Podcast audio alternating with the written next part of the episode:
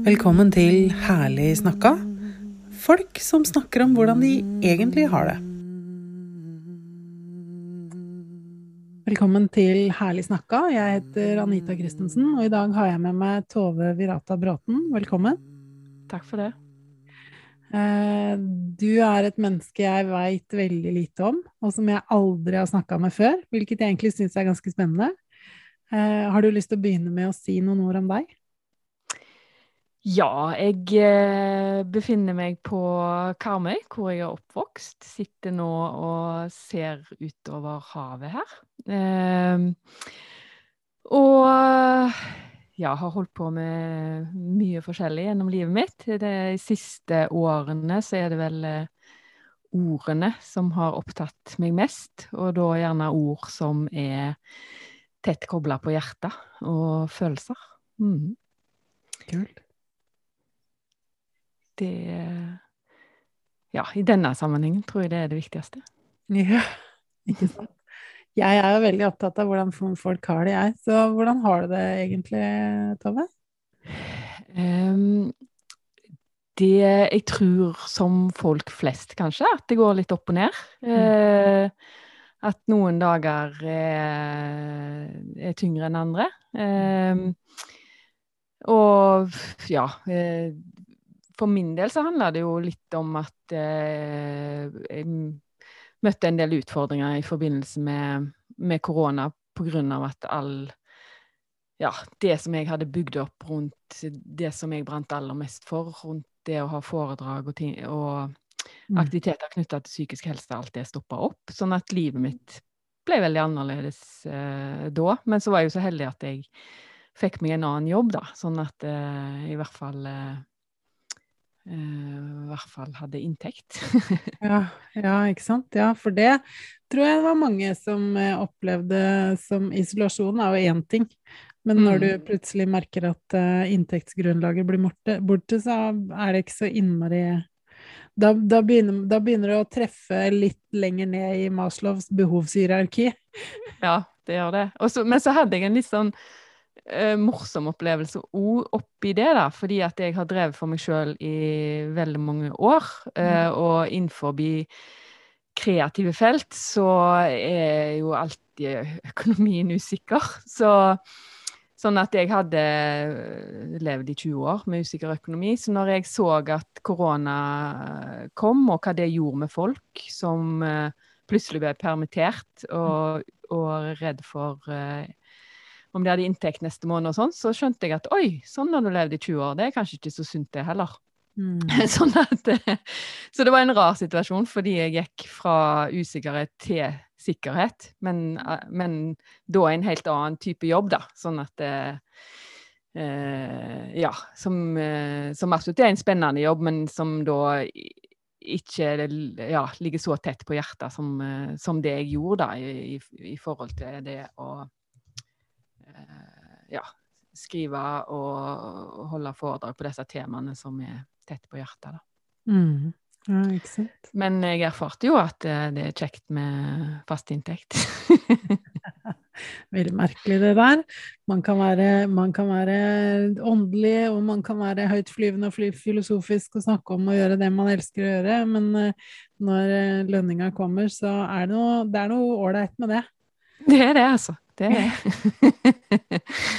ja. Mange som har ofra trygghet for, eh, for, kunst, selvfølgelig, og det er mm. mange som ikke kunne tenke seg å gjøre noe annet. Og det, mm, mm. det, det i seg sjøl er jo et interessant felt uh, i forhold til sant, den, beveg, den, indre bevegelsen. Hva, hva, gjør jeg her nå? Hva, hva, hva funker for meg? Hvordan, hvordan, skal jeg gjøre det her?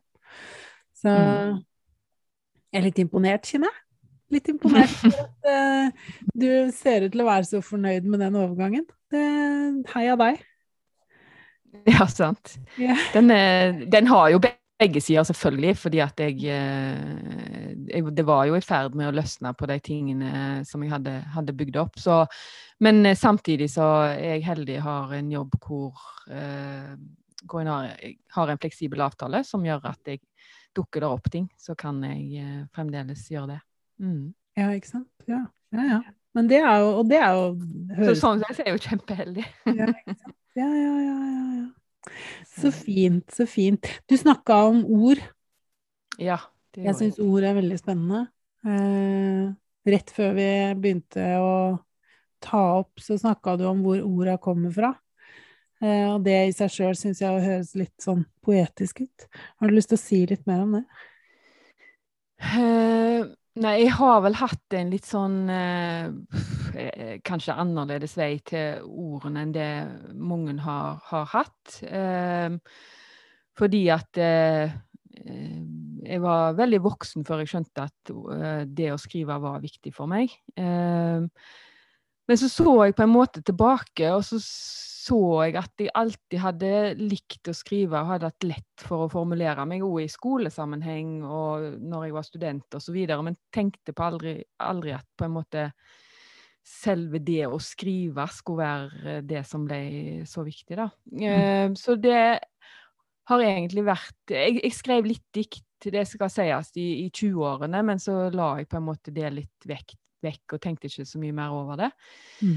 Um, og så overtok faktisk Eller um, så var det eh, kamera og foto som fanga interessen min, selv om jeg har en helt annen eh, utdannelse innenfor samfunnsvitenskap. Mm. Eh, så begynte jeg å gjøre forskjellige ting i forhold til foto som, som gjorde at jeg faktisk eh, satsa på det og, og starta firma og gjorde en del prosjekter knytta til det. Eh, og jeg tror at det faktisk henger sammen sånn at det var kamera som lærte meg å se. Ja. Eh, det var kamera som lærte meg å se detaljer og oppdage virkeligheten på en ny måte.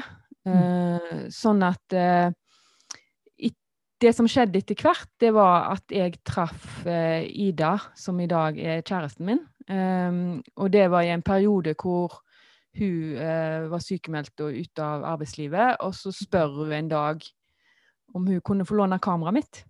Mm. Um, og så sier jeg ja, vær så god, ta deg ut. Uh, og jeg sa ingenting før hun gikk ut. Uh, og så kom hun hjem med noen fantastiske bilder. Så jeg skjønte jo at hun hadde et talent. Um, og det som da faktisk skjedde etter hvert, det var at hun overtok og ble fotografen. Og når hun gjorde det, så tredde ordene fram hos meg. For det, vi, hadde, vi, begynte liksom med noen bokprosjekter da, hvor det var naturlig at det var jeg som, som skrev, og så eh, Ja, så så jeg etter hvert hvor plass, stor plass ordene egentlig hadde i meg. Mm. Eh, og i og med at hun da eh, ja, likte foto så godt, så, så tok det liksom den retningen, da. Men de første bøkene vi lagde, var jo mer sånn typiske foto- og stedsbøker, sant? men sjøl de må jo ha tekst. Mm. Og så var det liksom noen av de eh, bøkene da hvor det plutselig begynte å, å dukke opp andre typer tekster som jeg tenkte Oi sann, går ikke dette litt mer i retning av dikt nå? Um, og det var på en måte For da, had, da hadde jeg begynt å ha sånne opplevelser at uh, at det bare kom ord uh, til meg, og så fikk kanskje en linje eller et eller annet, og så måtte jeg bare fortsette å, å skrive og se hva som kom ut fra den uh, ja, den nudgen som kom der, da. Mm. Uh, sånn at uh, Men for så vidt uansett nesten hva type tekst jeg skriver, så planlegger jeg veldig lite på forhånd. Eh, det handler på en måte om å sette seg ned og så se, se hva det er som vil komme. Mm. Eh, eh, jeg, jeg, hadde, kan dele en morsom historie, fordi vi skulle lage Og det var en sånn typisk fotostedsbok om, om byen Haugesund. Mm.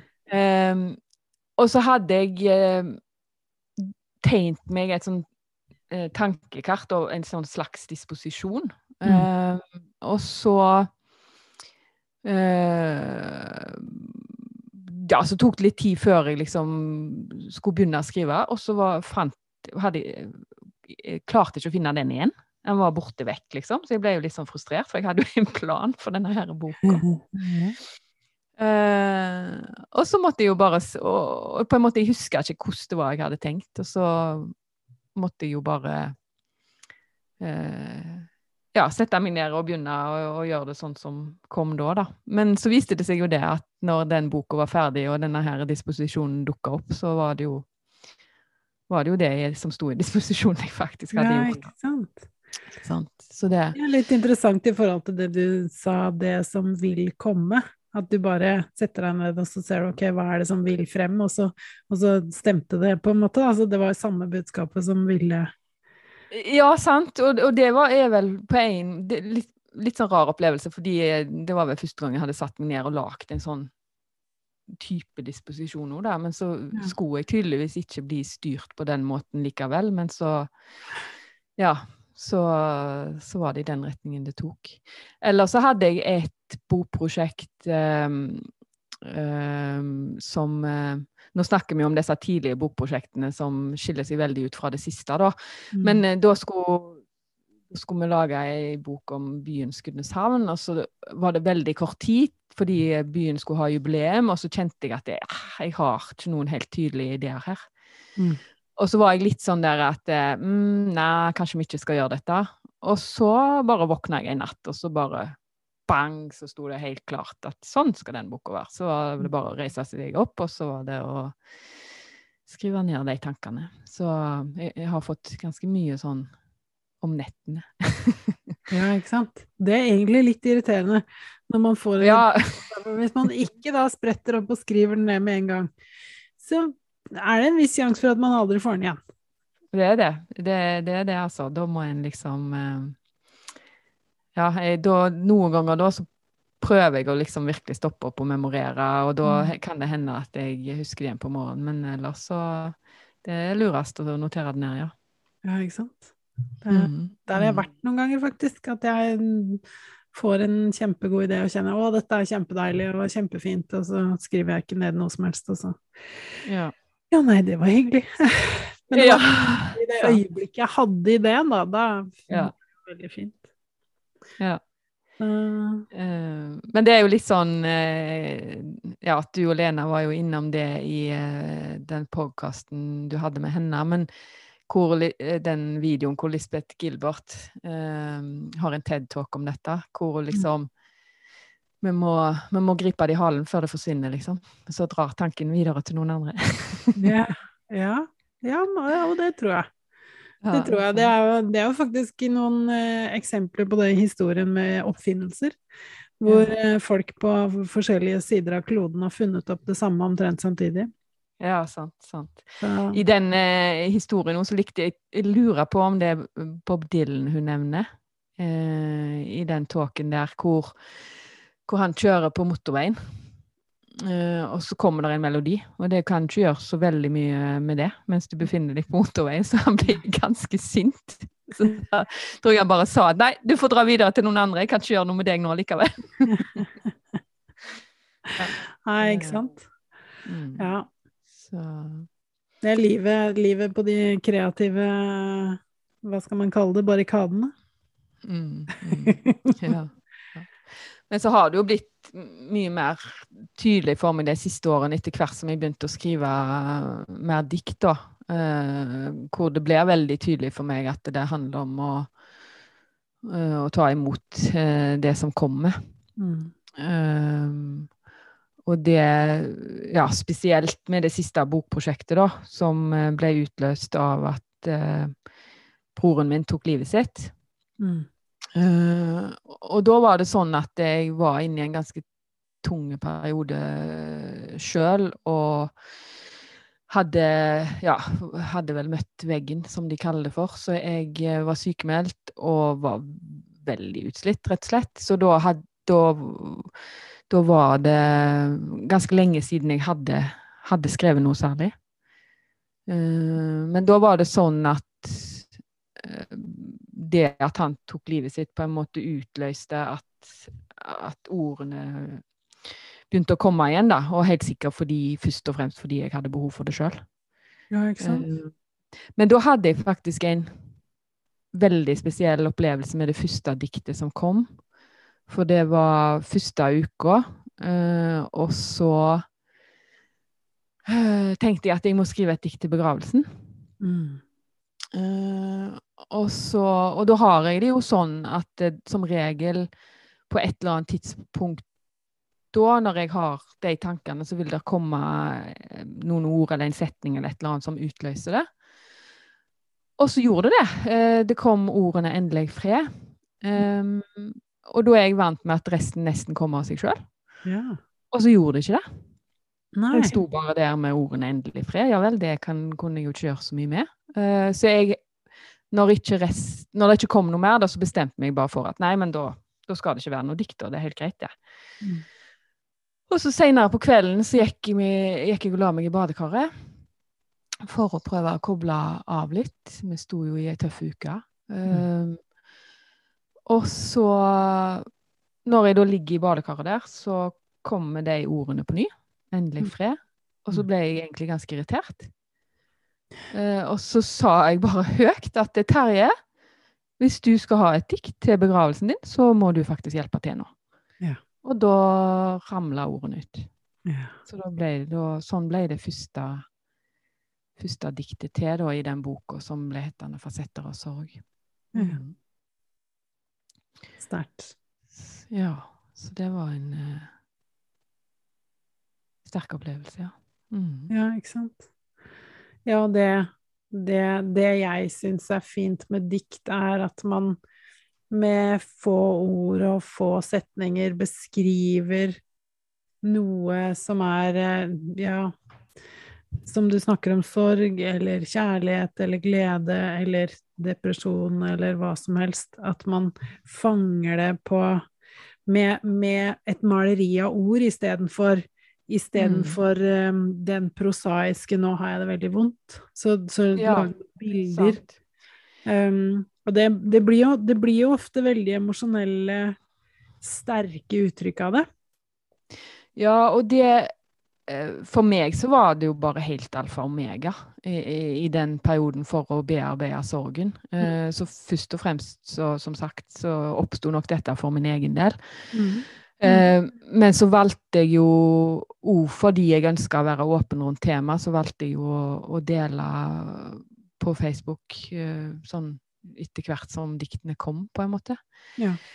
Eh, og det diktet som eh, berørte aller mest, eh, det er veldig sånn på en måte som du sier, med få ord. Eh, det kom bare et par uker etter han død. Mm. Uh, og da hadde jeg vært uh, For vi hadde ei sånn Det vil si, vi har ei sånn gammel retro campingvogn som er 50 år i år, så den er fra 1971. Mm Og den har vi på en sånn nydelig plass i havgapet her på Karmøy. Mm. og den er bare tolv minutter hjemmefra, så i denne perioden her så var det så godt for meg å kunne dra dertil og bare få lov til å være alene med mine tanker og følelser og mm. sitte og se på horisonten. Uh, så jeg var der nede bare for å liksom ja, ta vare på meg sjøl. Og så uh, gikk jeg meg en tur uh, ned til stranda, som bare er ti minutter fra, fra den campingvogna. Og så, på veien tilbake, så datt det, dette diktet ned, da. Som mm. eh, da ble en sånn voldsom reaksjon på når jeg eh, eh, når jeg delte det på Facebook. Og da var det sånn at jeg måtte bare ta opp mobilen og så få skrevet det ned med en gang. da, For da kom liksom hele diktet på en gang. da. Mm. Og, så hvis du har lyst, så kan jeg, eh, kan jeg lese det for deg. Veldig gjerne. Veldig gjerne. Korga.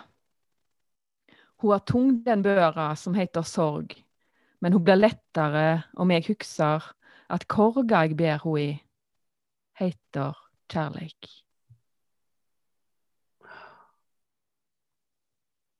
Det var veldig fint. Hmm. Jeg skjønner at det traff veldig mange. Det var veldig levende. Mm. Og jeg tror jeg tror de ordene var, var veldig helende for meg sjøl òg, da. Sant? Og så jeg at eh, mm.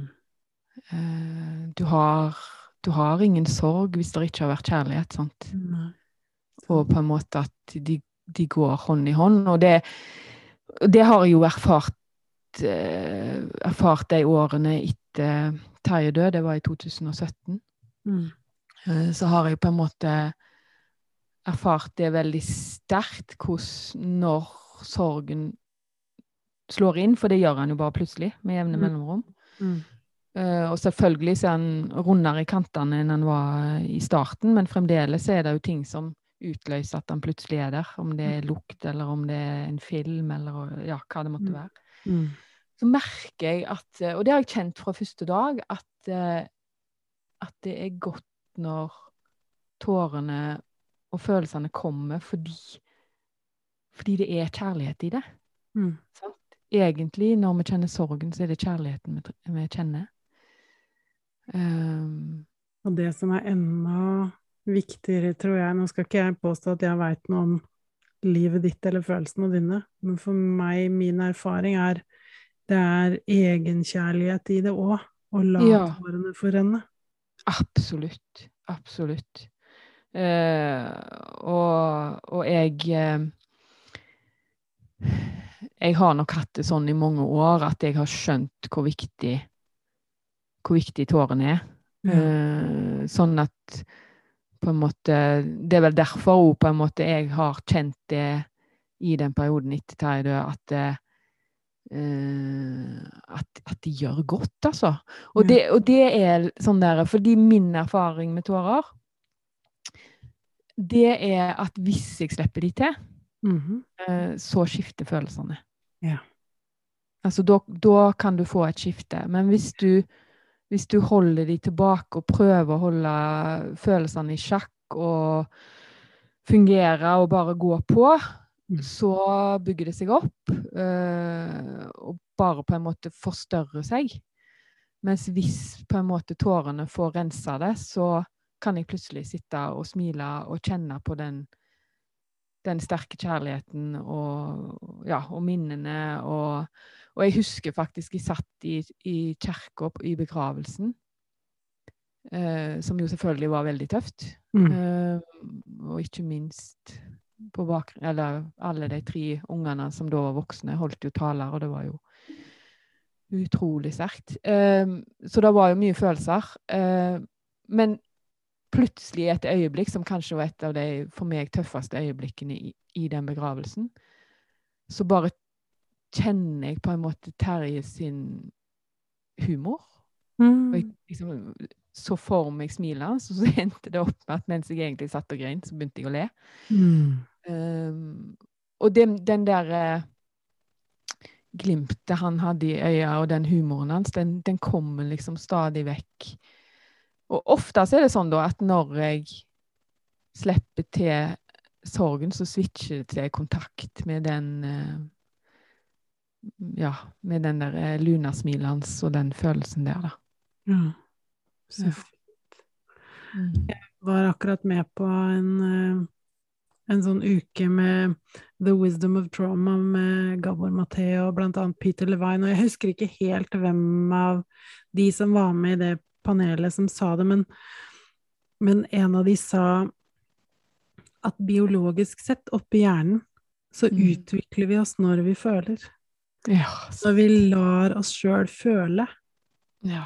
mm. så mm. kommer det en utvikling. Og jeg har jo mange år erfaring med det med aksept, som jeg også føler at du peker mot med det du mm. sier. Mm. Det å våkne om morgenen altså, Jeg har hatt noen, eh, noen, øyeblikk som på en måte er på et helt annet sted av skalaen, hvor jeg er muggen og trassen. Mm og kramper i beina. Og de gangene jeg da på en måte greier å se meg og si Det er greit, du får lov å mm. krampe i beina. Nå, nå er du mm. muggen, og det er greit. Mm. Og det betyr ikke at jeg skal gjøre det mot noen, eller at jeg skal få lov til å si hva jeg vil. Det er et veldig viktig skille for meg. Selvfølgelig.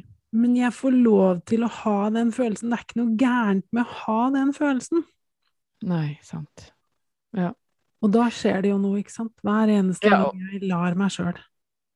Og det er jo noe av det jeg, jeg snakker mye om i, i foredragene mine, da, som jeg, har, som jeg, begynte å holde etter denne boka kom ut.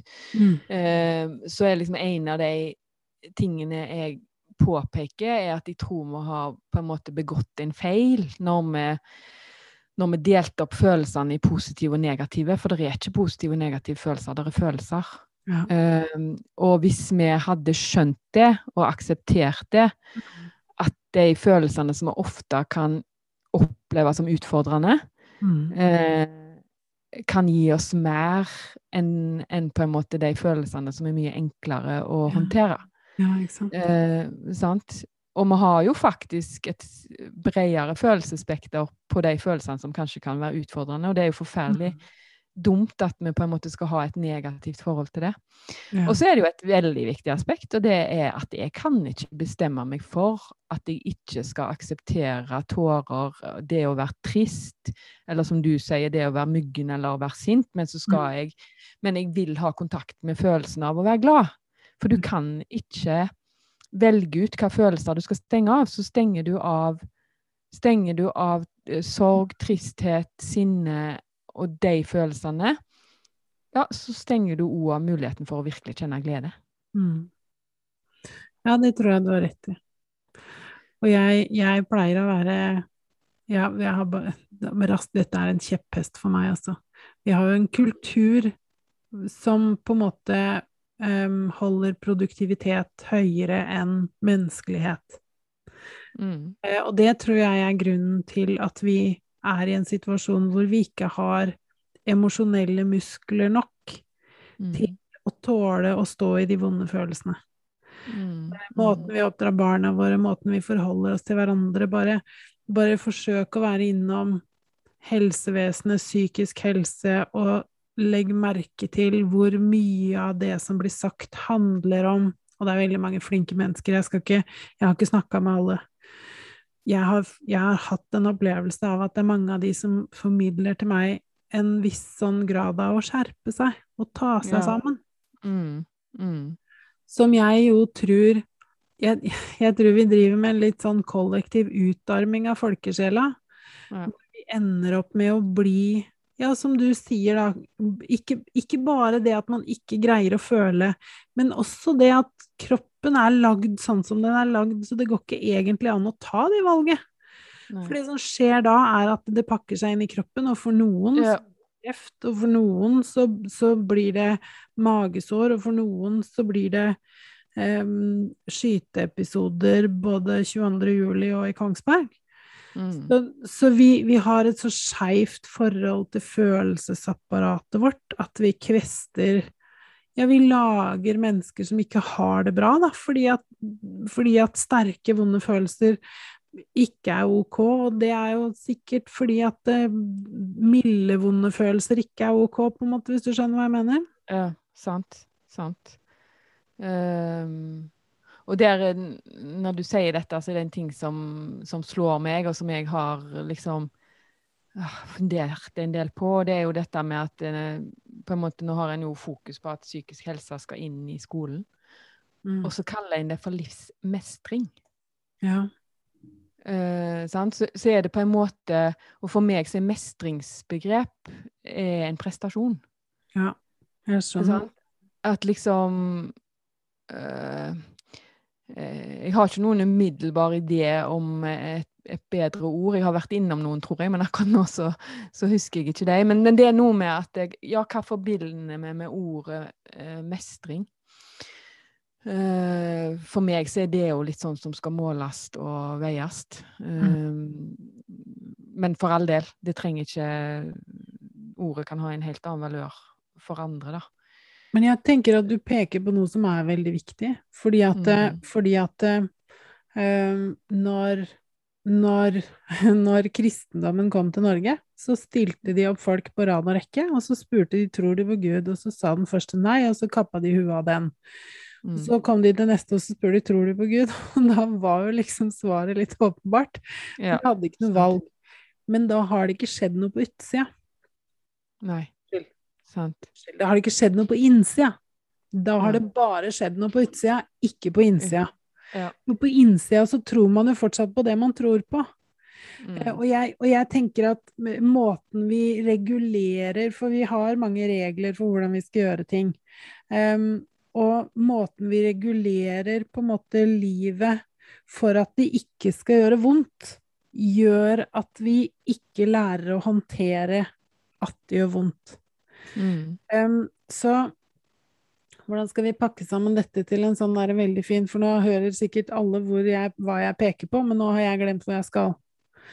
Uh, men den, den Det har ikke skjedd noe på innsida.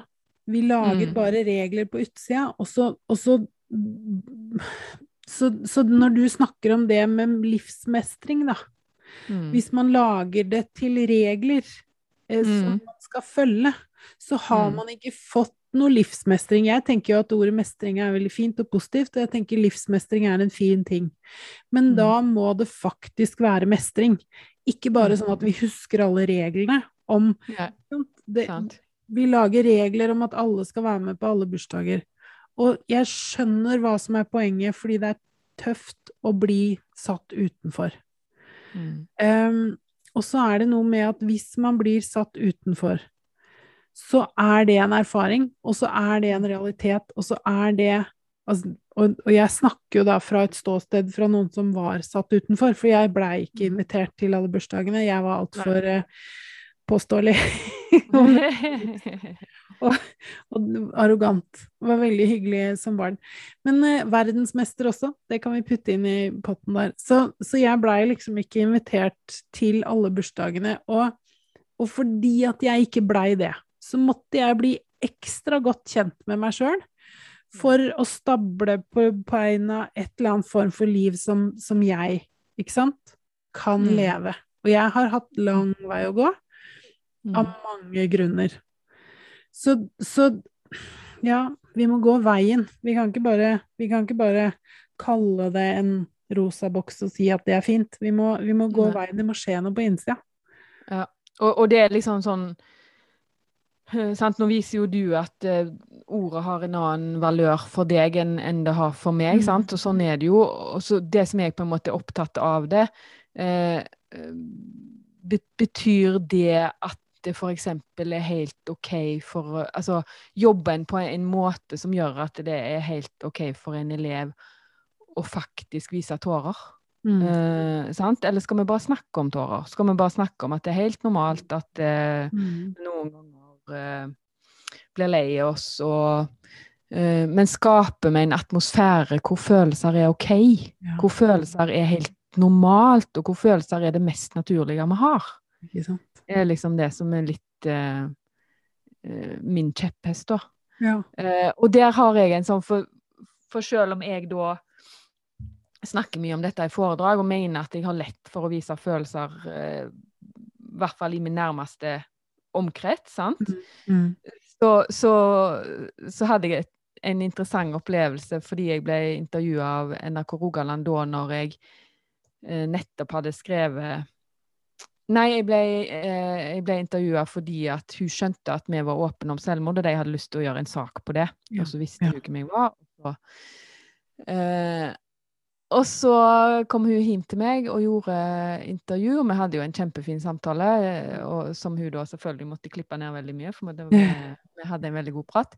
Ja. Men så, så kommer det altså til et punkt i det intervjuet Eh, for det hadde jo på en måte gått overraskende greit, da. sant? Eh, mm. Og det er jo litt morsomt at vi sier det. Og hadde gått overraskende greit fordi det var ikke så mye følelser. sant? Ja, ja, ja, men så i det tidspunktet Og jeg snakker jo i intervjuet om at, at liksom vi, vi, må åpne for at, at, vi skal kunne være i sorg, vi skal kunne vise følelser.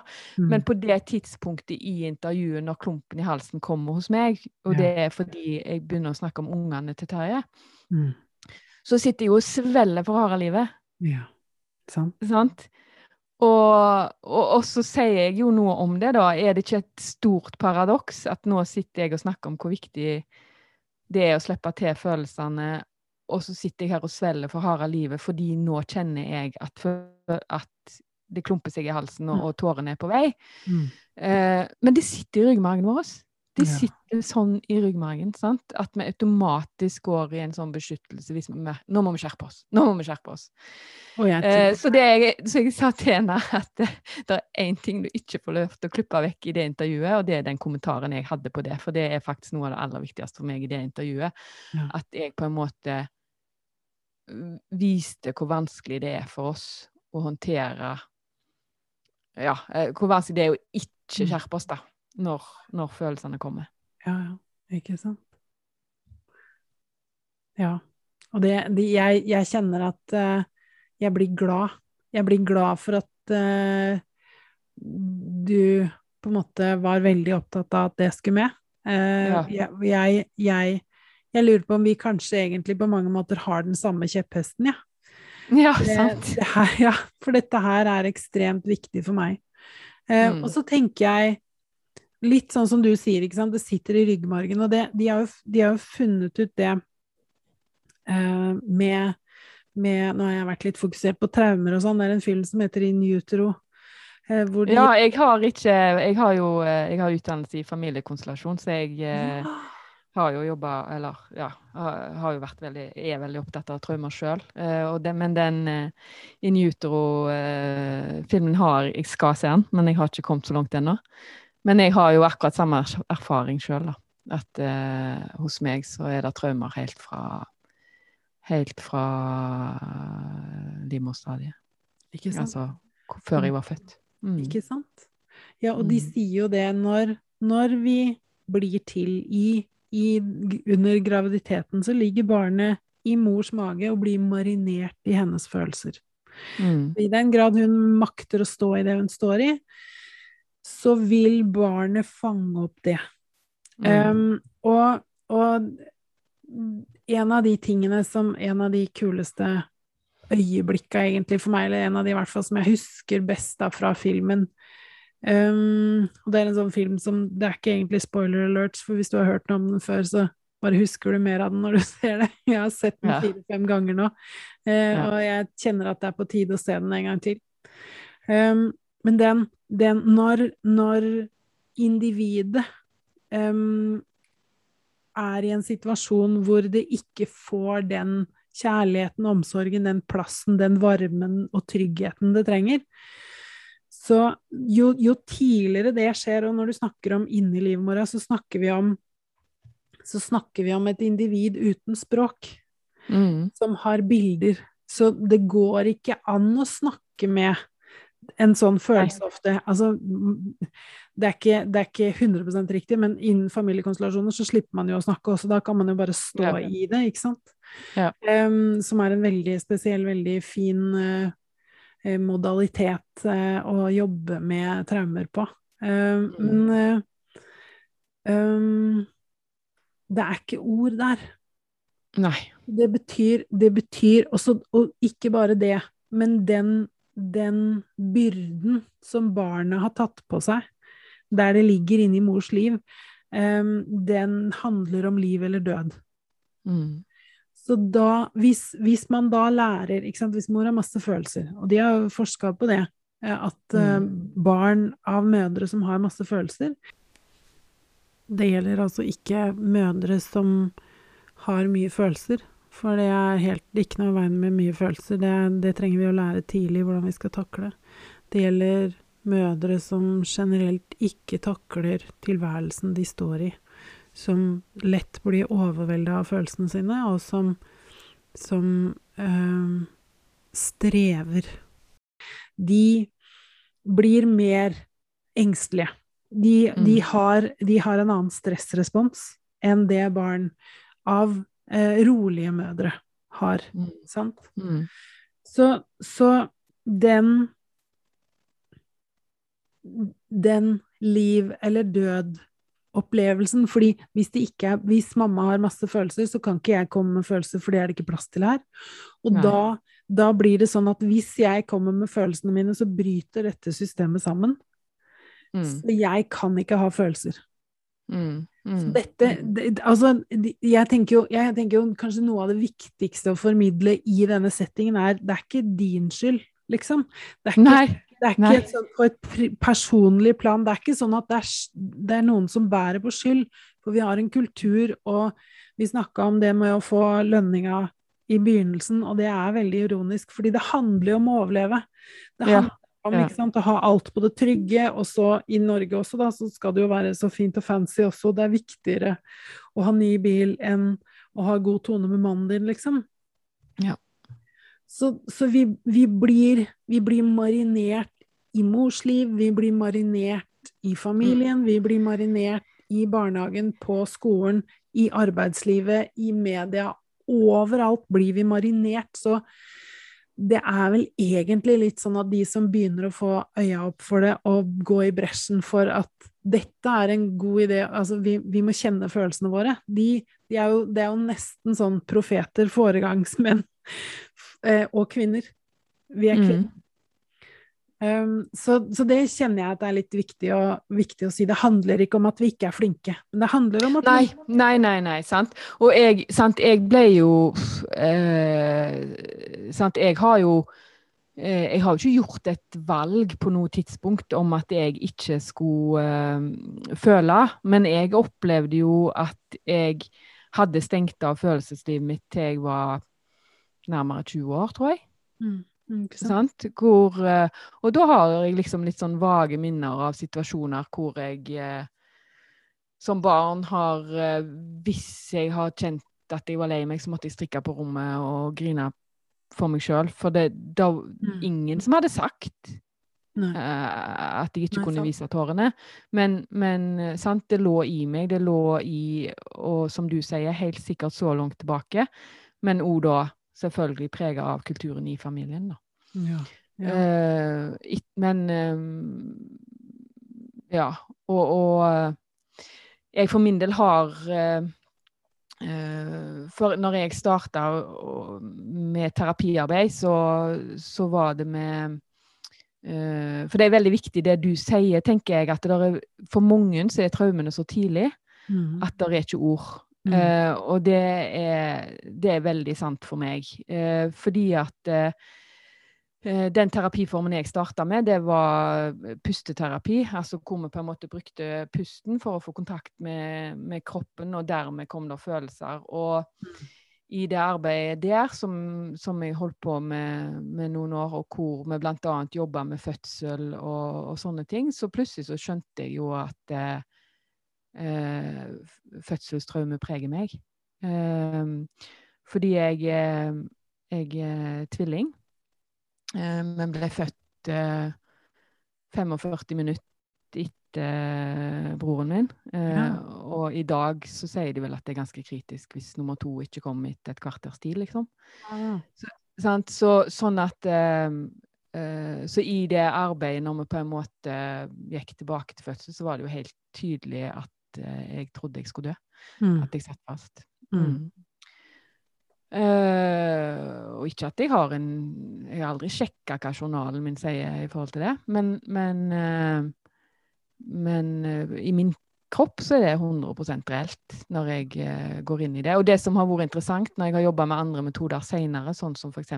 familiekonstellasjon, så er det fremdeles sånn at jeg som regel havner tilbake til til ordløse traumer. Mm. Uh, så hos meg så eh, Jeg er veldig glad for at jeg tilfeldig havna den veien, fordi mm. at uh, jeg kunne aldri funnet ut av hva som har plaga meg, med å, å, gå og snakke med en vanlig psykolog. Mm. Uh, selvfølgelig det er noen dyktige av deg som tenker helhet, og som har disse kunnskapene helt tilbake til, mm. til fødsel og, og sånn. Uh, men for meg så var det helt essensielt at jeg begynte med en metode som har mye utgangspunkt i kroppen. Uh, og at kroppen kunne fortelle meg hva, hva følelser som uh, mm. uh, Hva opplevelser som sitter i meg, da. Ja, ikke mm. sant. Ja. ja, og så tenker jeg, og det har jeg tenkt noen ganger i forbindelse med sånn som du sier, da, at du trodde du skulle dø. Mm. Um, og den Jeg har vært noen ganger i, i sånne konstellasjonssituasjoner hvor det har kommet opp ting som jeg har tenkt hm, ok, har dette skjedd, har det ikke skjedd? Um, og er litt sånn at jeg liker, jeg liker bevis, på en måte. Men så, jeg, men så, tenker jeg, også det at symbolikken er viktig. Mm. Så, så, bare det bare det på Altså, ja, det å være redd for å dø er jo um, Det er jo en svær greie. Det er mange som mm. føler på det.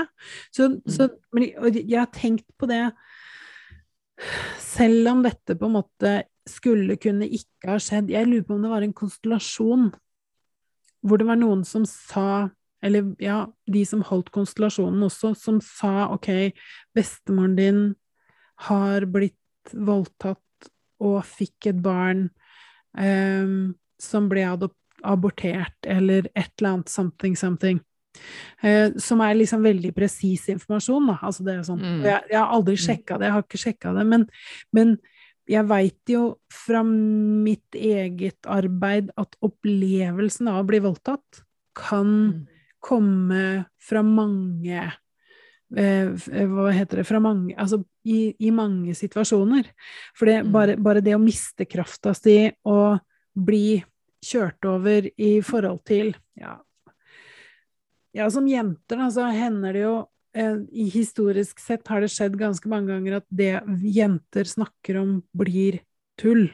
Nei, så nå må du mm. slutte å tulle, dette er bare tøys, du er jente, du, overdriver, ah, du føler så mm. mye, du kan jo ikke slutte med det. Ja. Det er også en form for voldtekt i det mm. at man på en måte blir helt mistrodd. Så for meg så, for meg så har jeg på en måte Jeg hviler litt i symbolikken, da, hvis du skjønner hva jeg mener. Mm. Og så, og så, har jeg lyst til å sitere Gabriel Mathé som sier at traumer er ikke det som skjer med deg. Traumer er det som skjer inni deg, i møte med det som skjer ja, med deg. Sant, sant. Og, og, og, det er vel på en måte òg sant når Jo tidligere traumene er, mm. eh, jo mindre muligheter og ressurser har du for å kunne eh, møte dem på en mm. på en adekvat måte, sant? Ja, mens, mens, liksom uh, Seinere i livet så kan, så, så kan en jo på en måte To personer kan uh, håndtere samme traume helt ulikt, sant? Ja. Samme opplevelse. Uh, sånn at det er jo ikke uten grunn, tenker jeg, at uh, for eksempel uh, de som var på Utøya. Sant? At, mm. Hvordan de traumene har, uh, har påvirka de i seinere tid, handler jo òg uh, om deres historie. Sant? Hva mm. ressurser de hadde for å stå i en sånn situasjon. Sant? Og selvfølgelig hva som har skjedd etterpå, da. selvfølgelig. Ja, ikke sant? Så, så, men det, det, er ganske interessant at noen kan møte et altså ha på en måte så mye resilience eller motstandskraft mm. da, i seg på bakgrunn av eh, ja, av tidligere opplevelser, og at på en måte de har en trygg kjerne i seg sjøl som gjør at eh, de kan eh, I en situasjon hvor, hvor, en normalt sett kunne ha blitt traumatisert, så, så går det bra, sant? Mm. Fordi at eh, eh, de har en robusthet. Mens for andre så kan samme traume uh, ja, utløse helt andre ja. ting. Ja, ikke sant. Og, og det er, det er uh, et par ting som jeg har lyst til å si om det. Peter Levine i boka si 'Waking the Tiger' mm. uh, nevner en klasse, eller en gruppe ungdommer som ble sittende fast under bakken og traumatisk fryktelig, men en av de hadde ikke traumer etterpå, og han jobba aktivt for å grave vei ut. Ja. Han fant en løsning, ikke sant. Ja. Eh, det andre jeg har lyst til å si, er at den, den Hvis man blir stående aleine med det etterpå, hvis man ikke har noe ja. å gå til Det er også en sånn veldig sånn, hvis man kan kalle det suksessfaktor, men det, det, det er veldig en del av hvorvidt dette traumet setter seg i kroppen eller ikke. Um, og, har, og her har jeg faktisk faktisk en ganske interessant erfaring, fordi, og som jeg har, uh, har, har å dele. Uh, og det var, for det var en venninne av meg som uh, var i Oslo 22. Mm. juli, og var ja. Når det smalt, så var hun på e nærheten av Egertorget, men i retning regjeringskvartalet. Ja. Så hun var ganske nært. Eh, vinduene rundt henne knuste. Eh, papirene fløy over hodet på henne. Mm. Eh, eh, det vinduet som hun var bak henne, det knuste ikke. Eh, men, men hun så jo ikke blod, Nei. sant? Nei. Men hun var i en krigstilstand. Altså, hun, hun ant, skjønte jo ikke hva som foregikk. Nei. Og en ting som jeg har tenkt mye på etter 22. juli, er at disse folkene har ikke blitt snakket om. Eh, vi har snakket om de som eh, Mhm. Ja. var i regjeringskvartalet. Vi har snakket om eh, de som var på Utøya, og selvfølgelig har vi det. Ja, Men det er mange flere som er traumatisert. Ja. Hun, hun kunne fortelle oss, altså fra det smalt til hun til slutt eh, befant seg på Oslo City og, Nei, eh, på sentralbanestasjonen og fikk tatt den siste taxien som var der, mm. så tok det én time. Ja. Hun aner ikke hva som har foregått den timen. Nei. Altså, hun aner ikke hvorfor hun brukte så lang tid. Eh, og det som slutt det som til slutt var grunnen til at hun klarte å, å gjøre det hun gjorde, det var faktisk at hun hadde mannen på telefon, så sa han 'nå finner du en taxi', liksom. Ja. Eh, men hun hadde en plan. Hun, hun skulle på en butikk som lå i nærheten av Youngstorget. Ja. Eh, så hun, planen hennes var jo å passere regjeringskvartalet. Ja.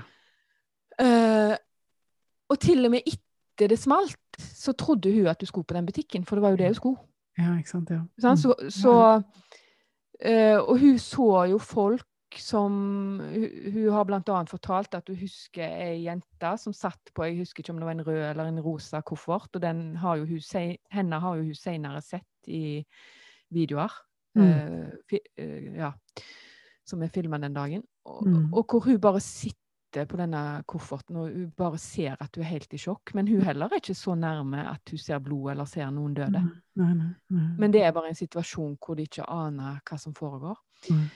Em, nå hadde jeg eh, en del kunnskaper om traumer, så jeg skjønte jo at hun hadde vært gjennom noe forferdelig. Ja. Um, så hun kom hjem på søndagen, og på mandagen så bare bestemte meg for at jeg drar til henne. Mm. Men jeg tenkte jeg prøver å ringe henne, og så tok ikke hun telefonen. Og så kjente jeg åh, skal jeg gjøre det? For jeg, liksom, kan, Mm. jeg, kan jeg presse meg på? Ja, ja. Og jeg husker at når jeg banka på døra da, for jeg går jo der med en tanke om at hun trenger å snakke, hun trenger Ja. noen akkurat nå. Ja.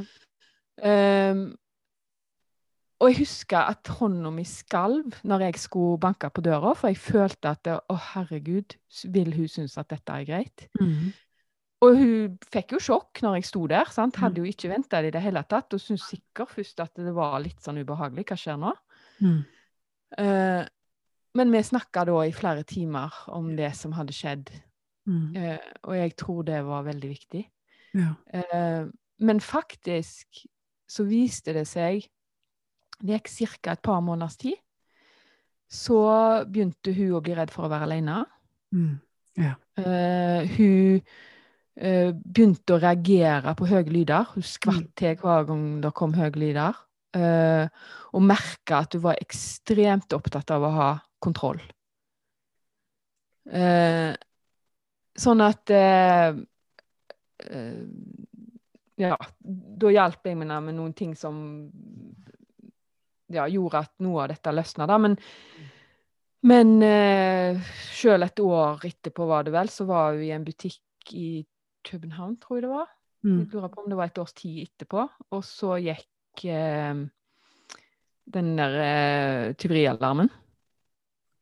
Og da måtte du Da sprang hun bare på dør og var helt sant? Fordi Visst, visst. Så, så jeg liksom åh, Jeg har tenkt så mye på de folkene som har opplevd det samme som henne, og som Mm. med stor sannsynlighet ikke har fått hjelp, altså. Ja, ja visst. Ja visst. Sant? Som eh, Ja. Mens andre som har vært i samme situasjon som henne, mm, har kanskje ikke hatt de samme etterreaksjonene som hun hadde, da. Mm. Men uh, Og det, men og det du snakker om nå, tenker jeg er um, Ja, vi trenger jo det paradigmeskiftet hvor, hvor, forståelsen av hva som skjer i kroppen, hva som skjer med systemet, hvordan, hvordan påvirker ting oss Altså noe så enkelt som å operere i kroppen. Ikke sant? For mm. da er det, I denne situasjonen du beskriver, så er man jo plutselig konfrontert med dødeligheten sin. Mm. Fordi at her bakken rister, lufta bevrer, ruter knuser. Hva Kommer noe til å falle i hodet på meg? Blir jeg, blir jeg flat? Hva, mm. hva, hva, er det som skjer her nå? Um, og, og, det setter seg jo i kroppen. Mm. Eh, og Peter Levine mener jo at eh, man må følge den dyriske riste, riste ja. La, mm. la traumet få riste ut. Eh, konstellasjoner syns jeg er helt genialt, fordi at da skjer mye av det samme. Du får, ja. du bevegelsen, kroppen viser frem, selv om det er andres kropper, da, for det, i de mm. konstellasjonene, så, så, blir det vist frem på en fysisk måte som, som registreres, ikke sant, mer enn bare 'å, nå er jeg redd', men du ser hele kroppen, mm. alt sammen. Så det, det å, det å erfare det. Jeg, jeg, jeg, husker ikke helt hva det var, men, men, og det er et bitte lite eksempel, men det var noe som ble operert på meg hvor jeg Jeg lurer på om det var tannlegen, ja, det syns jeg er vanskelig. Mm. Jeg etterpå helt bevisst satte meg ned og kjente etter um, Lot meg sjøl få lov til å synes at det var fælt. Ja, sant. For her har det skjedd noe med kroppen min. Noen har vært i kroppen min, og bare, bare Og det tok ikke lang tid heller, bare en liten sånn det, Så ille var det faktisk jeg følte at det var. Mm, og så går det mm. over. Fordi det får lov til å være her. Ja, vet du hva, og det er så viktig det du sier nå, for har, eh, det berører en annen kjepphest som jeg har, og det er at vi kan ikke sammenligne følelser. Vi kan ja. ikke sammenligne opplevelser. Ja. Og det som faktisk skjedde for hun venninna mi, da, det var jo at folk sa til henne så heldig du var som eh, ikke så blod, så heldig ja. du var som faktisk ja. var så langt ifra. Og var det én ting på jord hun ikke følte du var, så var det heldig. Ja. Sant? Fordi at eh, Ja, med intellekt, intellektet sitt så, visste, så var hun jo heldig, for all del. Hun overlevde. Og hadde hun fulgt den impulsen For hun ble flere ganger på vei mot der hun skulle, så fikk hun en sånn intuitiv skytelse hvor hun ble stoppa. Ja. Tenkte nei, du skal ikke gå inn den gata. Og så gikk hun ikke inn den gata. Og, så, og, hun er veldig intuitiv, da. Og så prøvde hun seg på en ny gate, og så igjen så fikk hun den følelsen av at du skal ikke gå her, Hege. Nei. Og så når hun da går inn i gata, den siste gata, da, så blir hun igjen stoppa. Altså sånn Du skal ikke gå her. Mm. Og da er jo så forvirra, syns dette er så teit, at du bare må ta opp mobilen sin for at det ikke skal se dumt ut at du har stoppet opp og ser helt hjelpeløs ut. Men dette redda jo henne, da. Ja, ja, altså fra å Ja, på en måte at sto når det smalt? Hun ville ha vært der det smalt, liksom. Hvis ja. hun hadde gått der som, uh, som, hun hadde planer om å gå, for da ville hun ha, ha kommet fram mye før. Ja, ikke sant. Uh, men så ja, med intellektet så var hun heldig. Uh, men samtidig så var hun uheldig som var i Oslo når det smalt. Og jeg tenker, og jeg tenker at når hvis, du, hvis, man bruker, og det føler jeg Jeg føler at det ofte skjer. Uh, hvis man bruker den intellektuelle informasjonen da og sier 'Å, men du var jo så heldig som ikke så blod', Mm. Så, så, kan det fort vekk føles som en sånn du Nå må du være litt mindre lei deg, for det ja, var verre ja. for noen andre.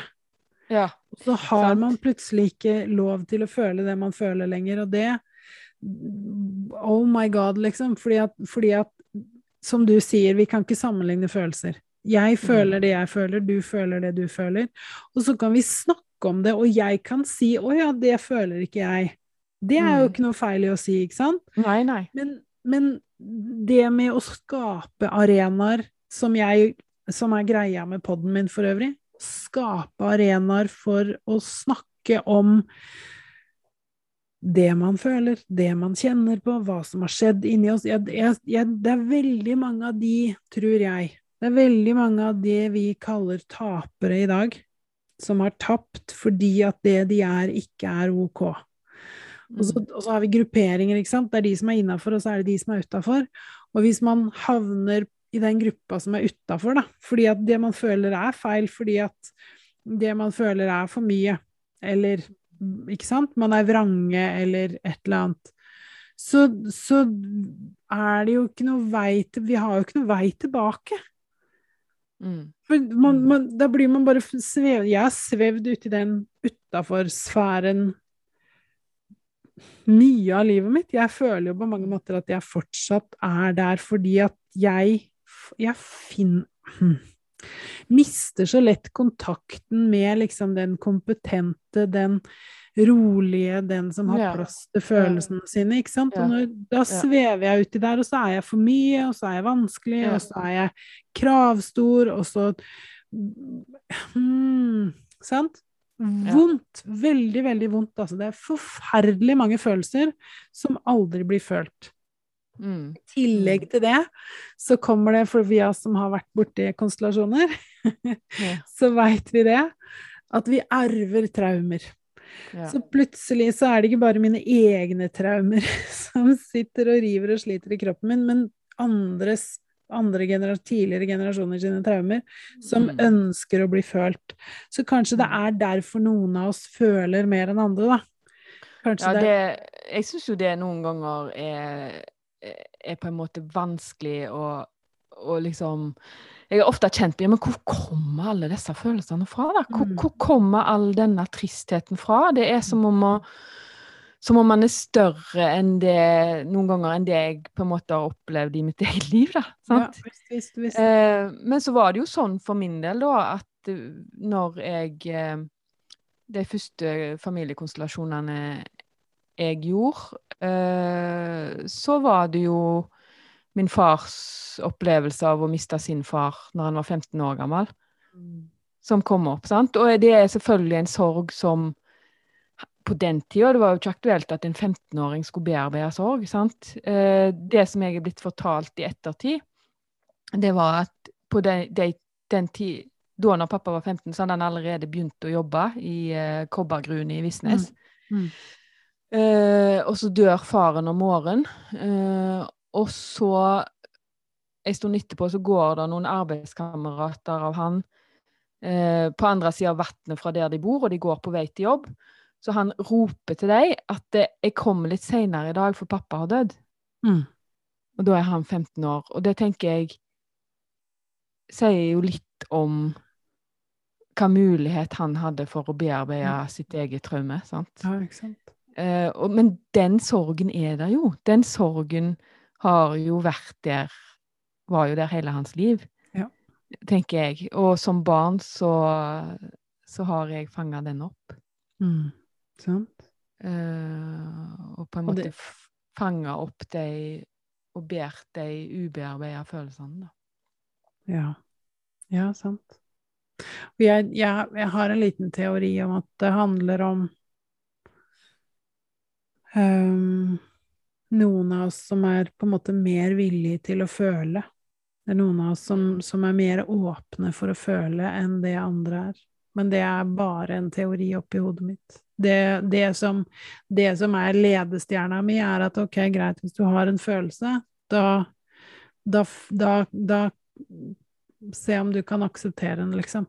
Fordi det er mm. det, det er det mest effektive verktøyet mm. jeg noensinne har opplevd, fordi at det virker hver eneste gang jeg greier å akseptere følelsen min, så virker det. Ja.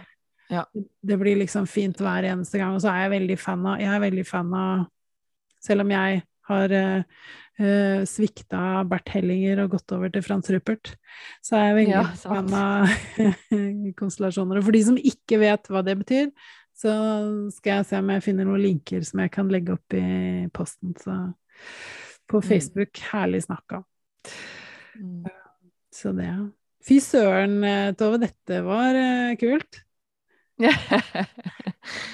det, en kan uh, snakke lenge om disse tingene. Ja. Uh, ja. Det er eh, Jeg kommer på en, en eh, Jeg har jo tydeligvis eh, flere kjepphester, da, men en annen eh, ting jeg har bestemt meg for, det er at jeg holder ikke et foredrag Jeg holder aldri et foredrag uten å nevne følelsen skam. Ja. Eh, fordi at eh, det er en følelse som, som vi trenger å snakke om. Eh, og jeg pleier å si at eh, jeg syns ikke vi skal bruke begrepet 'han eller hun eier ikke skam', eh, fordi at eh, det er ingen som har godt av å eie skam. Eh, og der er jo Brené Brown en av mine helter, da. Mm. Eh, anbefaler Der er to TED Talks av Brené Brown som er bare helt fantastiske, hvor hun snakker om skam. Og på en måte òg veldig med egne eksempler fra sitt eget liv oppleve, eh, beskrive hva det kan gjøre med oss, da. Mm. Men poenget er at vi tror, eller i hvert fall noen tror, at det er sunt å ha skam fordi at eh, da kan vi mm. korrigere eh, hverandre, på en måte. Mm. Men det hun sier da, det er at eh, skam vil aldri gjøre deg noe godt. Eh, og det er helt klare forskningsmessige sammenhenger mellom skam og rusmisbruk og vold og mm. det meste av det som er negativt. Og ikke minst uh, selvmord. Ja. Eh, sant? Jeg tror ikke det er eh, en som har tatt selvmord som hvor ikke skam har vært en veldig, veldig viktig ingrediens i det. Så hennes poeng da er å skille mellom skam og skyld. Uh, fordi at skam er den følelsen som bare gjør oss små. Altså, hvis det er en skamfølelse du har, så krymper du. Du blir liten. Eh, vi har kanskje opplevd situasjoner hvor vi skammer oss sånn at vi skulle ønske det var et hull i gulvet. mm. Mens skyld, det er en sunn følelse. Fordi da har du skilt mellom deg som person og det du faktisk gjorde. Mm. Eh, hvis du gjør noe galt og føler skam, så er du feil. Mm. Mens hvis du har gjort noe galt og føler skyld, så gjorde du noe feil. Men det er likevel ikke, det er ikke mm. noe feil ved deg som person. Og det skillet der tror jeg er kjempeviktig, altså. Um, mm. Mm. Sånn at uh, For den er så utrolig usunn for oss å gå rundt og tro at det er noe feil med oss. Ja. At vi er mindre verdt enn andre, eller når jeg gjør sånn og sånn, så er jeg ingenting verdt, og da er ingen glad i mm. meg. Mm. Um, og der forteller Brené Brown en veldig, veldig fin historie eh, om dattera si. Som er i barnehagen, og så er vi i en sånn lekekrok, og så har hun lagd et fullstendig kaos. Og så kommer, kommer en av, eh, av de ansatte, og så sier hun 'You're a mess'. Ja. Hun sier navnet først, da, som jeg ikke husker nå. Eh, navnet, altså 'You're a mess'. Eh, og så ser jentungen på henne, og så sier hun I'm not a mess, I'm making a mess. Mm, sant. Altså, Så det Igjen, da. Ord. sant? Hva er det vi sier til barn? Hvordan ordlegger vi oss? Snakker vi om handlingen, eller snakker vi om personen? Ja, ikke sant. sant? Jeg har, til å, jeg har lyst til å kommentere det Jeg syns det du tok opp nå, var veldig fint. Uh, som gjør at jeg har lyst til å for jeg har hatt den, har hatt den følelsen. Um, den innskytelsen eier de ikke skam. Ja. Uh, og når den kommer opp i meg, når jeg ser, når jeg ser på den bevegelsen Jeg har, jeg har uh, noen venner som jeg er, jeg, jeg er litt sånn lettere OCD, nesten autist noen ganger når det gjelder huset mitt. Folk kan ikke flytte på tingene mine. De må, de må, stå der hvor jeg har satt de. Og så er det noen venner jeg har som får lov til å lage seg en kopp te og hente kopp i skapet, og det går fint. Og så er det noen som har gjort det hvor jeg føler meg invadert. Og da mm. kommer den ofte frem. Også mm. fordi at jeg er jeg er på servicesida i mange sammenhenger. Jeg syns nei er vanskelig. Mm. Så når, når, noen ber om noe, og jeg ikke greier å si nei, mm. Så kommer den I, ja. skam, liksom, burde de ikke vite bedre enn å spørre ja. det, De burde jo vite at det er feil å spørre om det. Mm. Og så er det fordi at jeg syns det er vanskelig å si nei. Ja, sant. Så det er dine grenser. Ja. Ikke sant? Ikke sant? Og, det, mm. og det, tenker jeg, det, tenker jeg, er um, ganske nyttig informasjon å, å, observere. Ok, hvis man har lyst til å si da den eller den eier ikke skam, hva, hva er det i meg som, som skjer? Ikke sant? Hva er det jeg mm. ikke får til? Hva er det, hva er det vondtene mine? Og da ikke, ikke, for å putte pekefingeren opp i nesa på meg, men for å, for å på en måte oppdage bevegelsen. Mm. For, for, vi er jo Vi er ansvarlige, eh, tenker jeg, men vi er uskyldige. Mm. Um, vi, vi, står i en situasjon, i en verden, i et samfunn, i en kultur som nok ikke egentlig har skjønt hva det vil si å være menneske. For vi er mm. opptatt av å nå lage ting, og ha fine ting, og ha dyre ting. Det er vi opptatt av. Men vi er ikke opptatt av å være bra, eller ikke sant, ha det bra. Vi er ikke opptatt av den reine bevegelsen som jeg er. Jeg er fryktelig opptatt av reine bevegelser og reine ord. Um. Og det gjør at jeg har det bra, og da kan jeg være kreativ, og jeg kan være effektiv, og jeg kan være både det ene og det fjerde. Men, men stilt overfor et samfunn hvor det å produsere er greia, så kommer jeg til kort. Mm. For det får jeg ikke til. Mm. mm. Så ja, Nei, men eh, skam. Jeg er enig. Ja. Jeg har lyst til å si én ting til i forhold til det. Eh, fordi det Det som Brené Brown sier da, og som jeg har erfart sjøl, jeg kan dele et eksempel på det, det er at eh, hvis, hvis vi på en måte opplever skam, så er måten å komme ut av det, det er å våge å dele det med noen. Eh, mm. Fordi at eh, hvis du, har, hvis du føler skam, altså hvis du har lyst til å synke i jorda, og mm. du går og holder på den følelsen sjøl, så vokser den seg bare større og større, ja. fordi at tankene dine bare surrer og graver deg lenger og lenger ned. Ja. Og jeg hadde en sånn ekstrem skamfølelse, og det var noe som skjedde mens jeg skrev boka. Jeg tror jeg hadde skrevet om skam dagen før. Mm. Og så skjedde det noe øh, trenger ikke for så vidt gå inn på hva det var, men det, men det, var en opplevelse Jo, det var en opplevelse av noe jeg hadde planer om å dele på Facebook, og så hadde jeg nevnt det for noen at jeg hadde planer om det, og så var det så feil. Mm. Og så bare tenkte jeg Og så gikk jeg rett inn i en skamfølelse av liksom Hva idiot er du som trodde at det var greit, og så var jeg kjempeforvirra på hvorfor det ikke var greit òg, men samtidig så skjønte jeg at jo, det er noe i dette som ikke er greit. Og jeg ble så liten. Jeg ble bitte, bitte liten, og tårene begynte å trille, og jeg bare følte meg så ubrukelig. Mm. Og så tenkte jeg OK, del det med noen. Ja. Del det med noen. Del det med noen. Ja, ja, og, så og, så har vi et hus på tre etasjer, så jeg satt oppe i skrivestua mi. Mm. Eh, og så satt Ida nede og jobba, så jeg tok faktisk telefonen. Mm. Ringte til Ida, som satt i kjelleren, og spurte kan du komme opp nå, for det er noe jeg må dele med deg. Mm.